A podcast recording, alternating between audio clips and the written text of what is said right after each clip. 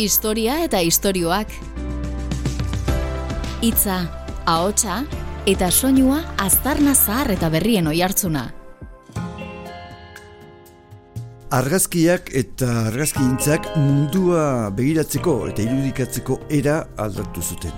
Ikusten duguna, bere horretan jasotzeko aukera eman zigutelako. Argazki intzari buruz hitz egin behar dugu Andoni Lubaki argazkilariarekin eta lehen da bizi galdetu diogu zer den argazkia. Mundu honetan bizitza honetan nik egoteko dudan modu bat eta argazki kamera pasaporte bada.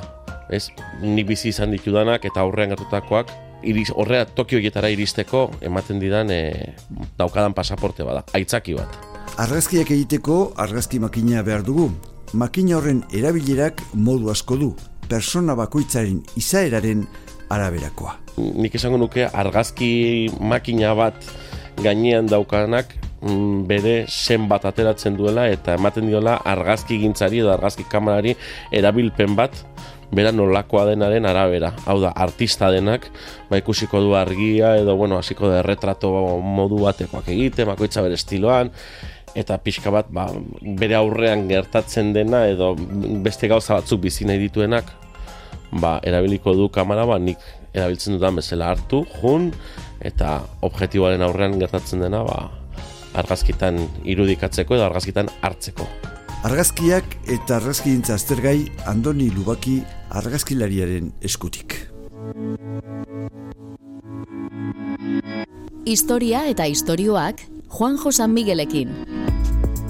Historia, nazioartea eta giza iragana ahots hautatuen eskutik. Elkarrizketen bidez, gizakiok gaur egunera arte ekarri gaituzten bideak jorratuz. Andoni Lubaki argazkilaria da, azken amaika urtetan munduan zehar izan diren ba, gatazketan, eh, gertatutakoa jaso du irudien bidez. Erreportaiak eta erakusketak ere egin izan ditu. Andoni, gaixo zemoz? Kaixo bai, mi esker. E, baten bati hitz gutxitan, azaldu beharko bazenio, zer den argazkia, zer esango zenioke? Bueno, uste dut argazkiak bakoitza praktikatzen duen, argazkiatatzen duen bakoitzari gauza desberdinak ematen dizkiola, orduan ez litzateke definizio bakar bat emango, egongo. E, Wikipediara jotzen badugu, edo entziklopediara esango ba, argiarenkin, e, idaztea da, grekieraz e, jarraitzen baldin badugu esan nahia, baina niretzako argazkia munduan egoteko modua da. Hau da, argazkiaren gatikan oso modu bisualean bizi dute bizitza, eta argazkia da mundu honetan bizitza honetan nik egoteko dudan modu bat, eta argazki kamera pasaporte bada. Ez, nik bizi izan ditudanak eta aurrean gertutakoak, ba, iriz, horrea Tokio hietara iristeko ematen didan e, daukadan pasaporte bada, aitzaki bat.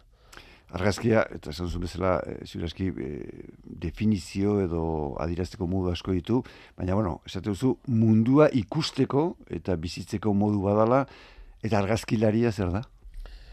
Ba, hortaz baliotzen, balio, horri balio ematen dion edo hortaz baliotzen den e, e, pertsona bat. Nik oraindikan e, galdera hauek egin dizkidate eta uste dut beti erantzun desberdina ematen dudala eta horrekin ere konklusio batera iritsi naiz zen uste dut gu argazkilariok nola gauden e, ikusita edo nola gauden e, bueno, ba, momentu horretan nola gauden e, beste mm, erantzun bat emango nuke. Igual triste baldin manago, ba, gauzat esango nuke, alai baldin manago, beste modu batera esango nuke, baino zer den argazkilari izatea, ba, uste dut, mm, lehen esan dudan bezala, munduan egoteko, bisualki eta modu batea bizitzeko, bueno, ba, pertsona askok daukaten modu bat. Eta, e, bueno, argazki makina, lantresna, edo beste ozer erabiltzeak, zer du, argazkilaria zehala, baina erreportaria bazea, kazetaria bazera, artista bazera, zu zer zara? Ni ezakit artista nahi zen. Oza, Aldetu dite izu? Ba, ba, gauza asko izan daitezke, argazki makina bat e, aurpegiaren aurrean jarrita. Baina hori da, zu kotxe izango duzu, eta etzera asista. Eta etzara rally gidaria, eta etzara Formula 1 gidaria, etzara piloto bat. Zu kotxe erabiltzen duzu gauza jakimaterako. Eta uste dut, argazki kamera bat, gaina gaur egun, deno daukago argazki kamera bat sakelean eta denok gara argazkilari, ba ez, denok daukagu baita etxean boligrafo bat eta horri bat, eta askok poesia idazteko erabiltzen dute, eta beste batzuk, ba, eroskira jun eta erosketak egiteko zer behar duten apuntatzeko. Orduan, e, nik esango nuke argazki makina bat gainean daukanak, bere zen bat ateratzen duela eta ematen diola argazki gintzari edo argazki kamerari erabilpen bat bera nolakoa denaren arabera. Hau da, artista denak, ba ikusiko du argia edo, bueno, hasiko da retrato modu batekoak egite, bakoitza bere estiloan, eta pixka bat, ba, bere aurrean gertatzen dena edo beste gauza batzuk bizi nahi dituenak, ba, erabiliko du kamera, ba, nik erabiltzen dudan bezala hartu, jun, eta objektiboaren aurrean gertatzen dena, ba, argazkitan irudikatzeko edo argazkitan hartzeko. Zu munduan zehar ibiliziaren esan dugu, e, egoera, gatazka, gertakizun, jende, herri, ezberdina ikusi dituzu. Argazki baten, opa, argazki kamera baten atzetik modu ezberdinean ikusten da, realitate hori. E, zu ze begiratzen edo ze adirazten saiatzen zara? Bo, nik filtro horiek ezakit oso landuta ikuten, edo landu beharreko filtroak diren ere duda egingo nuke baino ni beti saiatzen naiz islatzen ahalik eta ondoen nire aurrean gertatzen dena. Fotokazetarian izenean, erreportarian izenean, zeren gauza desberdina dira uste du, fotokazetariak aurrean dutena atera behar dute bai edo bai. Eta ahalik eta modu zintzuenean, objetibotasunak existitzen ez duela jakinda. Argazkilaritza zute ez, argazkilaritza objetiboa da. E hori esan dutenak eta hortaz baliatu direnak beti manipulatu egin nahi izan dute. Hau da gertatu dena, eta hau da, eta nik esaten dudana, hau da, egia. Eta ez, e, zena azken finez, zuk aukeratzen duzu nola, nora, e, bueno, zuzendu zure kamera, eta nola, eta noiz egin klik. Eta orduan, gatazka batean, bueno, nik ez dut nire aurrean dagoena, bueno, ba, e, mugituko, edo, eta aurren dudana, aterako dut, alik eta modu honean, modu zintzoenean, errespetu handienarekin, eta aldiz, erreportai bat egiten ari nahi zenean, ba, igual beharko dut, pertsona baten erretratu bat. Ez ba, nigoatzen dur, Ertafrika Republikan nengoela, bueno, ba, gizon batek esaten zidan, e, bera beste eunda piko pertsonekin Eliza baten barruan eraman zutela, eta Elizari zu eman ziotela, eta ez dakizema pertsona hil ziren. Nik hori momentu horretan ezin dut irudikatu, zeren argazki gintza nahiko krudela ere bada, zeren momentuan, momentuko harrapatzen ez baldin baduzu, egi hori beste modu batea irudikatu beharrean zare. Orduan pertsona hori hartu non, eta eramanon kiskalitako Eliza horretara, pareta bat ja jasota zuten, eta hor, bueno, bat, zegoen argiaz baliatuz, erretrato bat atera nion. Eta, karo, hor beste gauza bat hasiko zaigu, e, behar da argazkitan esplikazio bat, ez da behar argazkia argazki batek nahiko informazio ematen du. O, gero, ba, ah, bueno, bueno, vale, ba. Horra jotzeko, baina, bueno, ez, sei, sei, sei. Ez, ba, bueno, ba, ne bali mauzu gero aurrera goitzen dezake guaita, bueno, baina, zu nahi duzu mezen. Hortxeat, zuk esan zuna, eta egia da, eh, argazki lari bat, kasetari bat bezala, edo eh, nunbaiten dagon lekukoa bezala, beti ikuspegi bat azaltzen du. Hmm. Eta ezberdina da. Zuk hartzen bozu, hildako soldau baten eh, oso diferentea da. Eta esku bat, eh, bai. edo aurpegia desfilatutako aurpegi bat ateatzea. Hori, gabi baina argazkia egiteakoan zuk buruan zer duzu. Oza, zertarako egite duzu argazkia. Jo, erantzun bat izango banu hor, ez nintzateke mene ongo hor E, ba ez dakit uste dut zenak eskatzen didala. Ni txikit txikitatik izan ez oso visuala, oso, bueno, bai, margoak eta mapak eta gogoan dut orain nola ze mapa ziren, eta askotan guraso izaten die, joe, hori etzen horrela eta horrela izan, eta zuek lehenagoko zea 127 zahar hartan etzen okaten lako txintxiliskario bat, eta zen amak zaita, erizu nola gogoratzen dezu. Holako gauzak buruan sartzen zaizkit, eta orduan argazki asko ikustakoa naiz. Eta konturatzen naiz askotan, plagiora eraman gabe ere, baino argazki horiek mm, nik buruan dituan argazki horiek laguntzen idatela konposatzen. Eta gauza oso normala da, zeren olerki bat irakurtzen duen olerkilari batek askotan, bueno ba, plagio izan gabe ere, baina, bueno, bolako reminiscentzia batzuk edo le, influenziatu egiten dute. eta ni askotan, bueno, ba, oso argazki, gustatzaizke gaina argazki mugituak, argitzalekoak, eta, eta, bueno, ba, hor, goatzen dut, ba, ze amasi, amazazpi urten duzkela, Paolo Pellegrinen eh, argazkiak ikusi, eta, eta horrek, ba, ustez, nahiko, nahiko markatu nau. Ikusitako argazkiek, edo nire aurrean gertatakoak, begira, ariketa bat egiten nun kontu, txikitan, bueno, gaztetan edo, eta konturatu gabe oso eskola ona da informe semanal ikustea izugarri gozatzen zitzaidan, eta aukeratzen dituen erreporte bakoitzeko, zen gara hartan, ba, buko bar, eta, bueno, balkanetako gerra, eta zegoen, eta gogoratzen dut, e, erreporte bakoitzeko, iru, instantan esaten da, bueno, bideo hontan zein da momenturik onena. Eta nik esan ba, justo soldadu honek bere arma ezatu duenean, ba, jaso duenean, eta atzean emakume ba nola zegoen, eta irudi hori aukeratuko nuke. Eta konturatu gabe, ni editatzen ari nintzen, esan, hemen aterako non klik. Orduan, bueno, uste dut, senak ere eraman nahuela izkenean, bueno, ba, itxi puntu batera, eta argazki makina hartu, eta eskutan, eta, eta, eta, eta oso eroso egoten nintzen, eta egoten naiz. Historia eta istorioak. Hitza, ahotsa eta soinua aztarna zahar eta berrien oihartzuna. Esan duzu pixkat nola jartzen zean zu, nola e, kokatzen zaren irudi baten aurrean edo edo argazkiatea beharreko lekuan, nun dizatu zen. Gaur egun argazkiak egite dituzu eta lehen esaten zenuna. Argazkia irudia da, mm. besterik ez. Nahikoa da, edo behar izaten du azalpen bat, hitza behar du, nunbaiteko katu barra dago, hmm. edo berez du zentzua. Jo, ba, nik askotan mm, entzuten dudanean, ez, e, nahikoa da e, balio gehiago du irudi batek mila hitzek baino, eta batzutan bai, eta batzutan ez. Mm Nik askotan pentsatu izan dut, jo, eta ikusleari pertsona horrek mm, nire irudian agertzen den, nire argazken agertzen den pertsona horrek duen mina isladatuko banio benetan sentitu dezan gerra batean biktima batek zer zer sentitzen duen eta begira zer esan dudan hitz bat mina eta askotan ehundaka eta ehundaka argazki izaten ditugu e, ikusten ditugu eta mina zer den oraindik ere zen guk min fisikoa ez dugu sentitzen. Eta aldiz irudi batzuk oso ondo esplikatzen dute zer dagoen eta detai asko ematen dizkizute oso irudi deskriptiboak dira. Baino aldiz pixka bat gure kontzientziara jo nahi baldin badugu gure kontzientzia txokatu ne baldin badu, ez? E, zeak nola Roland Bartesek zioen punktu hori zergati dan argazki bat ona, ba, mm, beste maila batean jokatu beharrekoa da. Hau da, e, eta gaina argazki bakoitzak bere balioa duz segun eta ze pertsonek ikusten duten. Baino mm, argazki batzuk mutuak dira, baino asko esaten digute, eta argazki batzuk oso deskriptiboak dira eta aldiz segituan azten ditugu. Mm. Orduan, irudiak lenguaia unibertsal bada, baina mutua den lenguaia unibertsal bada eta mm, segunetan ze herritan edo ze kulturatan zaren gauza desberdinak esan nahi ditu. Mm -hmm.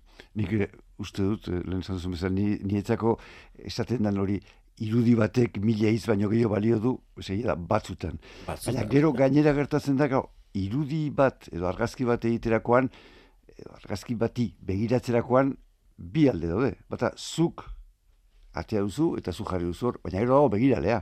Ah, begira, begira, adibide bat. E, nik orain mm, irudi bat erakutsiko banizu esango zenuke betu, ba, amona baten erretratoa da. Eta bai, argio politia dauke, eta hori, baina, eta nik esango dizu, hau nire amona da, eta zer, e, e, bueno, oroitzapenek hartzen dizkidan, eta niretzako balio handigoa izango luke, eta ez teknika aldetik, emozionalki, mm -hmm. beste argazki bat erakutsi eta aldiz zure amonaren erakutsiko nizu, esango nizuke, ni hasiko nitzateke, mutua izango nitzateke, eta hasiko nitzateke begira, aldiz, argazki berdina, hemendik eun edo berreun urtetara, jende gehiago hori zerbait gehiago esango lioke. Zan, behitu nola jazten ziren gara hartan, eta begiran nolako mm, teknik erabiltzen zuten, oraindik argazkintza digitalean ari zirenean, eta ez mm. argazkintza biologikoan, edo nik ezak izetoriko den ondoren, baino orduan argazki bakoitzak bere bizitza ere badauka, eta bizitza horrek, bizitza horretan pertsona bakoitzari gauza desberdinak esaten dizkio. Nik beti esan dut argazki bat, nik ateratzen dudan momentuan ja ez dela nirea Mhm, bizitza propio bat ere badauke. Bai, bai, bai, Twitterren eh, jarri argazki bat, Instagramen eta batean batek erabiltzen do, ba, nahi gertatu izan zait, manifestaldi batera, Saharabien manifestaldi batera joan, eta nik at, la urte lehenago ateratako presidente, lehendakari, bueno, presidenteari ateratako eh, argazki bat pankartatan eta kamisetetan ikusi. Eta esan, ostras, one, honeaino iritsi da nik ezer jakin gabe, orda bere bizitzera mandu, eta badakit gainea bere semeari eta bere mazteari asko gustatu zitzain argazki badala, eta bere bizitza propio izan du. Mhm. Nik klik egin ondoren. Esan dugu, eh, amaika urte dituzula pixat, eh, bueno, gatazketan, eh, gerra lekuetan, eta pixat, eh, hor biltzan eh, kasetariak eta argazkilariak, izango pixat, mitifika dut da, edo bautela beste irudi bat, ez da, hausarta diela, daudela, ez dakit, hori ala da... Gorroto dut, gorroto dut, hori mitifikazio, mitifikazioarena, eta hor...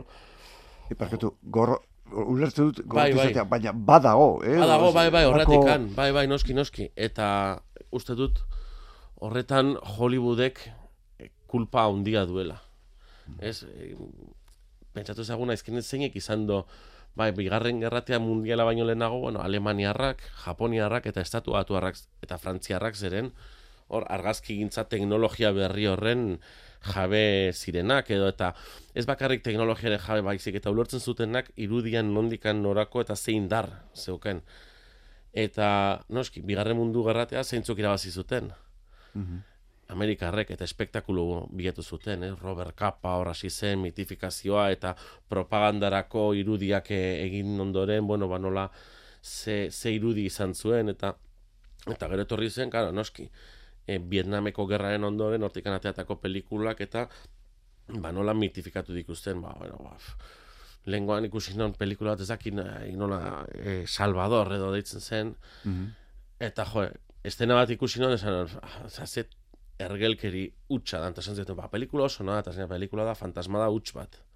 Zen, tiro, tiro egiten ari ziren, eta beraiek aurrera, horrelako eh, oso konbertsazio txatxu batekin, eta hori ez daula garitzen, osea, Jesukriston bildurra izaten dugu. Eta gero, eroiak eran, ez, ez gara eroiak, bain, batek izaten zian, jo, e, jo, eso sí que es, lo tuyo sí que es herreroen, taberna baten elikunez kafe bat hartzeko, eta lau bat, ba, zutetatik anatorrelako, Nafarroko, ez, ez, bomberoak dira horreroiak, edo bertako bizilauna, ni area jun argazkiatera eta joan egiten naiz, mhm. edo gatazka batean noanean, eroiak dira bertan geratzen direnak, zibilak eta hor aguantatzen duten direna, nik argazketa eta ospa egiten dut. Ja, baina ez daukezu armarik, ez, ez dut behar, gerra batean neko iruro gehiak, iruitamarrak ez dauke inungo armarik eta bertan dare. Mm Orduan, mm, gorrotu dut mitifikazio eta eroizitate horren e, irudia. Ni langile banaiz, gustuko lana dut argazkilaritza, eta ni langile banaiz, eta ez naiz inorren, ez, ez, orain, eroia, ez da, inoiz eroi bat izango. Afganistan dik etorri berria zea, ondela am, o parkatu, Ukrainiatik, Afganistanko adutu buruan, eta horrega zait, Ukrainiatik etorri berria zera, eta ez dakit, ze ikusi duzuan, ze gehatu zaizu kamara mutur hortan? Uh, ba, bora indikan, uste dut, esperientzia horieko la, sartzen ditugu laguk lapiko batean, eta egosten joaten dire gure barruan, eta hemendikan hilabete batzutara edo esango nizuke. Oraindikan eh, jetxi berri naiz eta ez naiz bat ere ez netzako denborarik ere hartu zeren bueno Nafarroko suteak etorri dira beste lan batzuk ere egin bar izan ditu eta bi egun beste ez dikut izan. Etxean geldikio eta gainera bilikio lanerako bueno ba fitxategia eta artxiboa eta denak ordenatzeko. Orduan ez dakit, baino adibidez, beste gerratetan, Erta Afrika Republikan gertatakoak, edo Sahan gertatakoak, edo momentuan bertan digeritzea mm, zaila izaten da, eta handikan urte batzutara argazki batzuk, igual hasieran jaramonik egin itzen izkien argazki batzuk agertzen dira zure barruan edo disko horrean bapaten agertzen dira, orduan oraindik ez dakit ze, ze irudipen edo zer dauka. Nik, claro, eske momentuan oso nahiko lan estresantea da, zen gauza asko pentsatu behar dikuzu eta ez daukezu gelditu eta ber, hau zer da eta pixka bat, bueno, ba... Ez gero izaten dizun, ze impresio jaso duzun, ze irudi geratu zaizkizun buruan, geratu bat. Feria, nik, azkenan, sekulako irudi bat esango banu, bueno, ba, oso irudi krudel bat atera no, hildako pertsonatzu zeren, eta etako batean, ba, emakume bat etorri zen, eta hildako gizon horietako baten alarguna zen.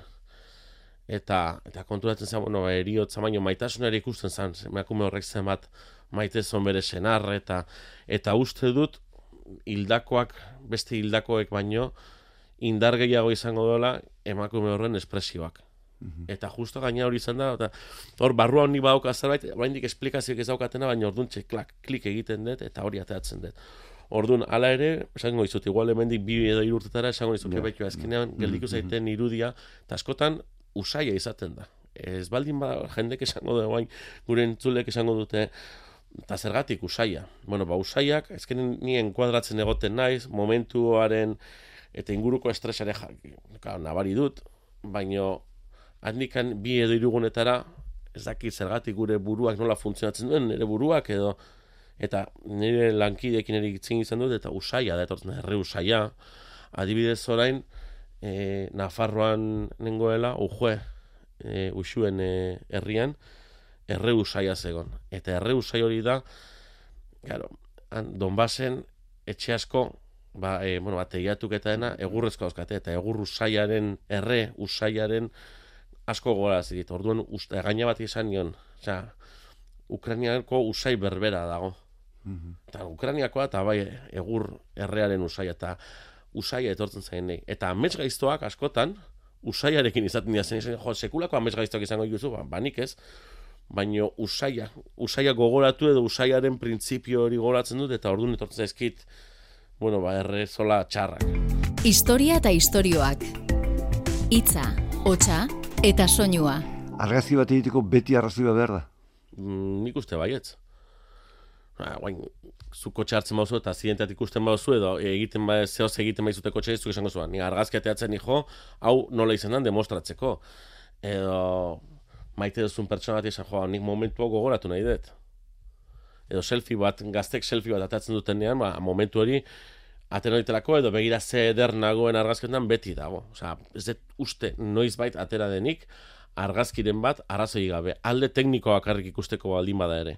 Zen, aber honek funtzionatzen duen, edo aber momentu honetan argazki atera, eta aber gorri honen itzalak eta zeak, testura nola harrapatzen da, orduan beti dago arrazoiren bat, baliozkoa balio duen edo ez, pertsona bakoitzak esango do, baino arrazoia hitz egiteko den bezala.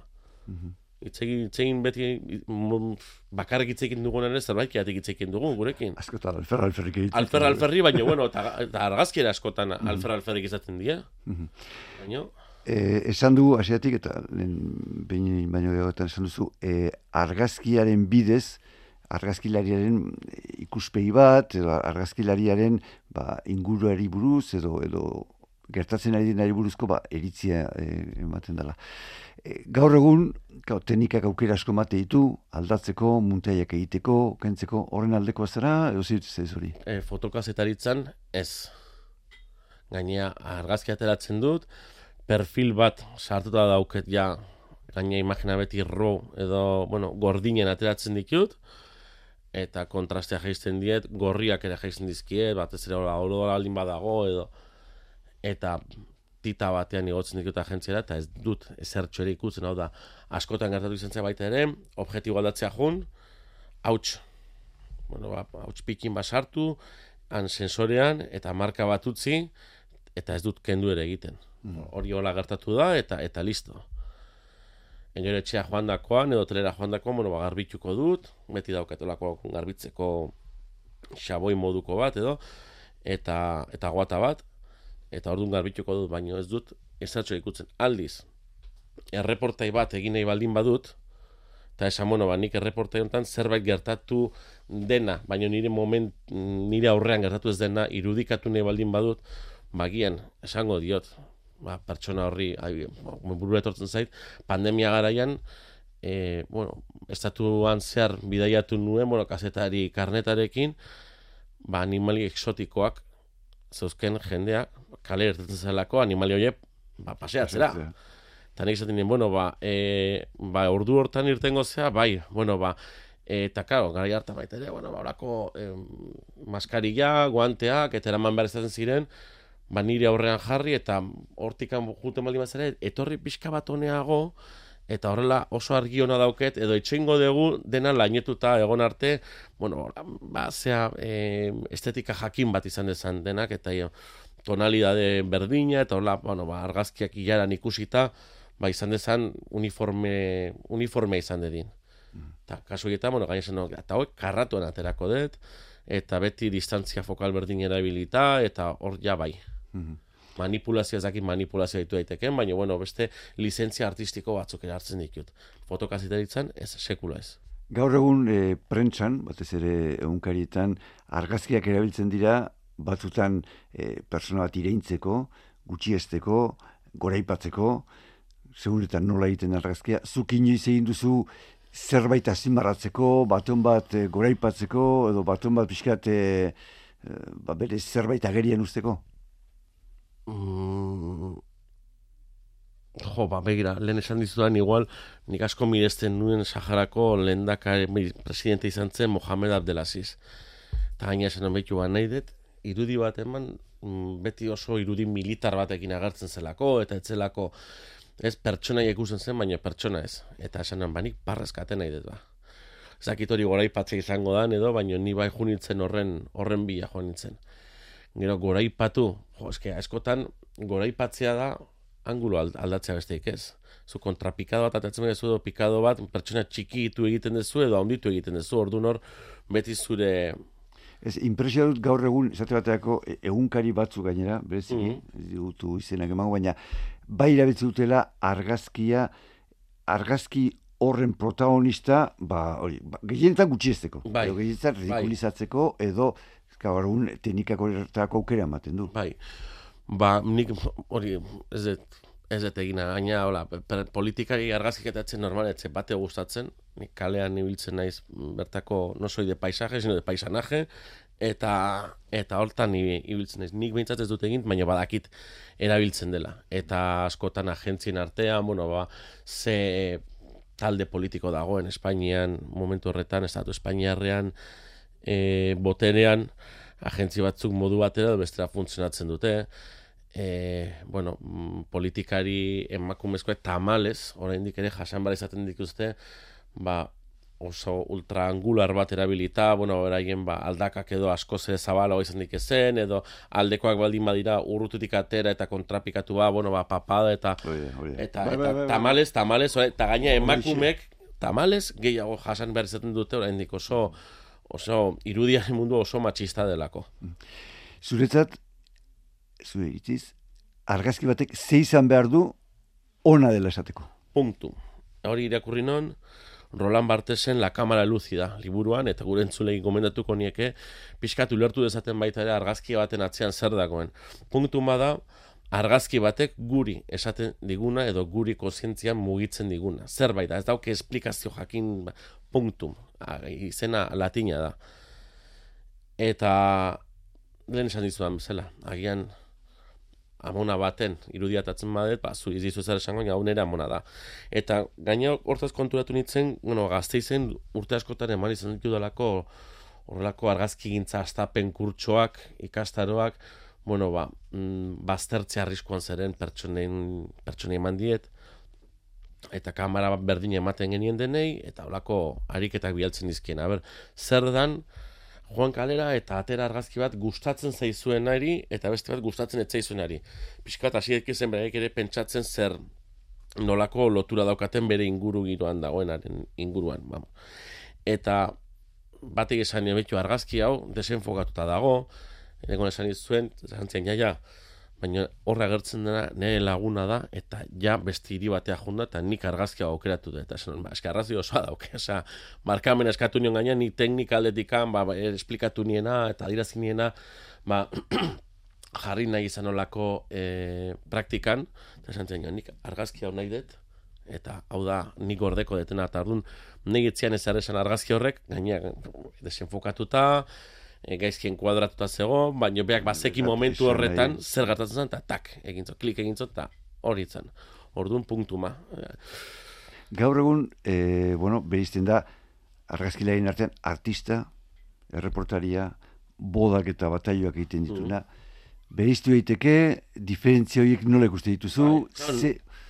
Noski bereiztu daitekela, osea, lehen esan dudan baita ere, la- dena daukagu papel bat eta boligrafo bat, eta papel eta boligrafori bakoitzak erabiliko do bere, bueno, ba, bere senak eskatzen diona jazteko, eta batzuk erabiliko dugu, ba, su- supermerkatura edo merkatura jun, eta zer etxerako zer behar dugun apuntatzeko. Olerkilari batek erabiliko olerki bat idazteko.